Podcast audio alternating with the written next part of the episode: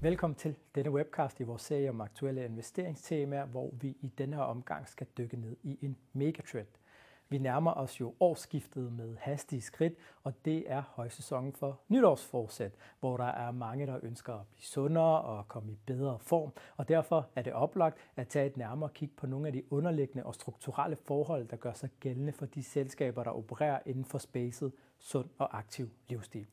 Sundere livsstilsvaner bliver en stadig mere integreret del af vores hverdag i takt med, at bekymringer omkring overvægt og livsstilssygdomme er voksne.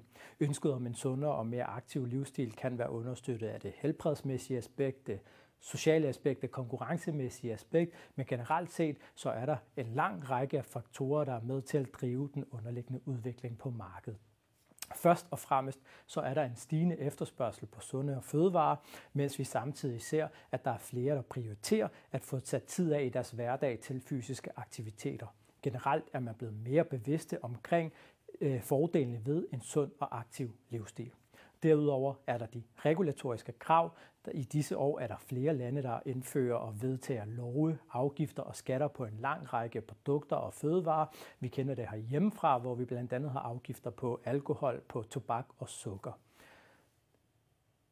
Derudover er selskabernes omdømme også i spil Øh, i takt med, at forbrugerne bliver mere bevidste omkring kvaliteten af fødevarer, omkring næringsindholdet, så bliver det også til en væsentlig parameter i forhold til selskabernes omdømme og brand.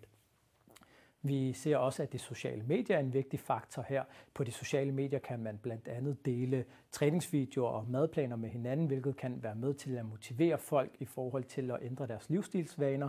På de sociale medier kan man også planlægge og koordinere træningspas og andre aktiviteter. Og derudover så det vigtigste af det hele er jo, at øh, et træningspas jo først er fuldendt, når man har fået taget sig en selfie og postet det på de sociale medier. Vi har også set, at Vegovi og fedmemidler har været med til at øge bevidstheden omkring fordelene ved en aktiv og sund livsstil. Fedmebehandlingerne har været med til at hjælpe folk med at tabe sig, og for at vedligeholde det vægttab, så er det essentielt, at man får lavet sin livsstils, livsstil om. Øh, ellers så risikerer man faktisk at få taget det hele på igen. Vægttabet gør også, at folk, der tidligere har været overvægtige, svært overvægtigt, og dermed har været udfordret i forhold til at være fysisk aktiv, nu får mulighed for at komme ud og gå en tur, komme ud og bevæge sig i takt med, at de taber sig og bliver mere mobile.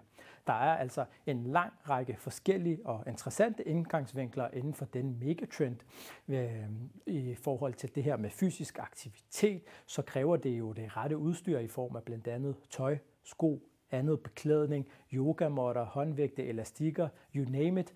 Og inden for det segment, så findes der en lang række af selskaber, der ser interessante ud rent kvantitativt her i blandt JD Sports Fashion, Deckers Sporting Goods og Deckers Outdoor.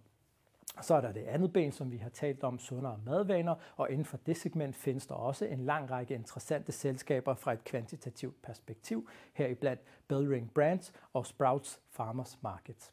Hvis vi starter med den del omhandlende fysisk aktivitet, så lancerede WHO tilbage i 2018 en global handlingsplan med fokus på at få reduceret den fysiske inaktivitet på global plan med 15 procent fra 2018 til 2030. Så der arbejdes altså målrettet rent øh, øh, fra toppen af på i forhold til at få befolkningen til at få inkorporeret, indlemmet flere fysiske øh, aktiviteter i deres dagligdag. Vi kan blandt andet tage et kig på Øh, figuren på følgende slide, hvor vi kan se, hvordan covid-19 fik flere amerikanere til at bevæge sig, fik dem til at komme ud og dyrke noget sport og dyrke noget motion. En tendens, der sidenhen har været faldende, og men den fortsat befinder sig over det historiske gennemsnit og en anelse over øh, niveauet fra før corona i 2019. Generelt kan man dog sige, at, øh, det, at øh, aktivitetsniveauet i forhold til, hvor mange amerikanere, der bevæger sig i relativt til 10 år siden, så er det højere nu, end det var dengang. Egentlig kan man så også se her, at det handler om, at der er en vilje, der er en lyst til at dyrke motion og sport i USA blandt befolkningen. Det kræver dog, at der er tid til det. Det var noget, man havde under corona, hvor nedlukninger og hjemmearbejde gjorde, at man kunne finde tid til at komme ud og bevæge sig. Så der er egentlig en vilje og en lyst til at øh, være aktiv, når og tid, hvis tiden tillader det. Vi har tidligere også talt om det her angående det tiltagende pres på forbrugerne fra den højere inflation. Og i den henseende, så er det interessant at tage et nærmere kig på nogle af de konklusioner, som Europe Active og Deloitte de fremlægger i deres European Health and Market Fitness øh, Market Report, som blev offentliggjort tidligere i år.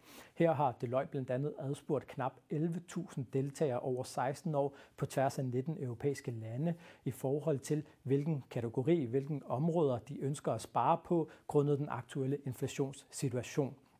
Som I kan se på slidet her, så øh, svarer størstedelen rent faktisk, at de er mindst tilbøjelige til at spare på områder inden for fysiske aktiviteter.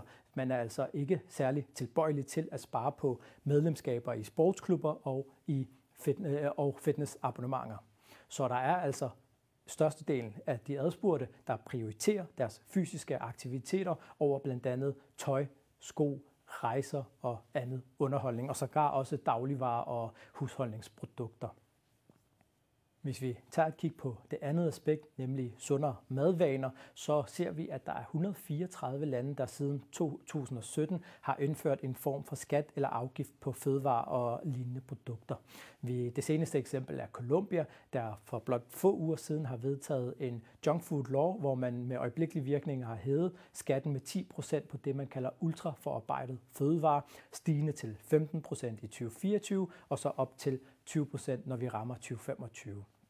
Vi ser, at der er flere af fastfoodkæderne nu, der har begyndt at løfte sløret for øh, næringsindholdet, makroindholdet i deres øh, fødevarer, i deres produkter, øh, drikkevareproducenter er begyndt at tilpasse deres drikkevarer hvor de reducerer salt, sukkerindholdet og natriumindholdet, således at det følger den her sundhedstendens, de ser ud i markedet. Mange drikkevareproducenterne er også begyndt at øh, producere nye næringsrige produkter øh, inden for drikkevarekategorier som juices og vand.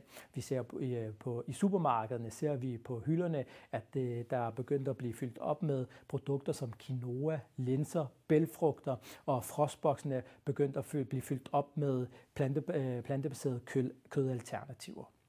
Hvis man som investor ønsker at øge sin eksponering inden for denne megatrend, så er der som sagt en lang række indgangsvinkler. Vi har i den her omgang valgt at tage et nærmere kig på den del omhandlende fysisk aktivitet, hvor vi så har valgt at tage et nærmere kig på faktorkarakteristikane for JD Sports Fashion. JD Sport er en øh, forhandler af sportstøj. De specialiserer sig i at sælge produkter, der understøtter en aktiv livsstil. De har, sælger blandt andet globale mærker som Nike, Adidas, Puma, men har også egne mærker som Pink Soda og Supply and Demand. Hvis vi tager et kig på JD Sports, så har de jo en solid position på markedet, men de har samtidig også nogle attraktive kvantitative egenskaber, hvilket alt andet lige er med til at øge sandsynligheden for, at man som investor kan få skabt sig et mere afkast.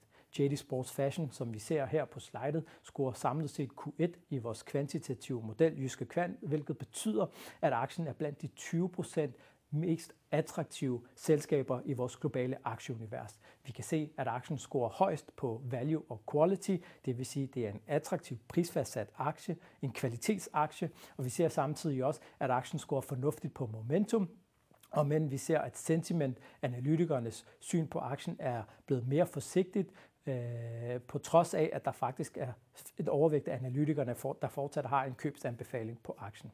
Hvis man ønsker at tage en anden vinkel, nemlig den her, det her med fokus på de sundere madvaner, så kan man tage øh, et kig på nogle af de selskaber, der har en solid position inden for salg af øh, økologiske, sunde, naturlige fødevarer. Her har vi valgt at tage et nærmere kig på øh, Sprouts Farmers Market, der blandt andet sælger økologiske produkter, naturlige glutenfrie produkter, de sælger vitaminer kosttilskud, kød, fød, frugt og grønt. Og her ser vi også, at Sprouts Farmers Market har, er blandt de 20% mest attraktive selskaber i vores globale aktieunivers fra et kvantitativt perspektiv.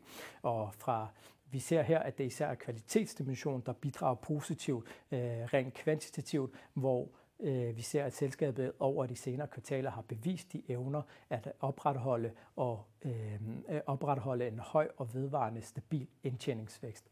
Vi ser også, at aktien er attraktivt prisfastsat både i absolute termer og i relative termer, og men vi ser, at momentum halter en lille smule efter med en neutral vurdering her hvor vi ser, at det især er prisudviklingen, der har været med til at hæmme momentumdimensionen. Samtidig ser vi dog faktisk, at analytikerne ser en anelse mere optimistisk på aktien. De begynder at se mere fordelagtigt på aktien. Det var så to eksempler, øh, JD Sports Fashion og Sprouts Farmer Markets, på selskaber, som kan være med til at øge ens eksponering inden for denne megatrend. Hvis man ønsker at se, selskaber, øh, se andre eksempler på selskaber til sin portefølje, så kan man klikke på det link, der følger med i den her video.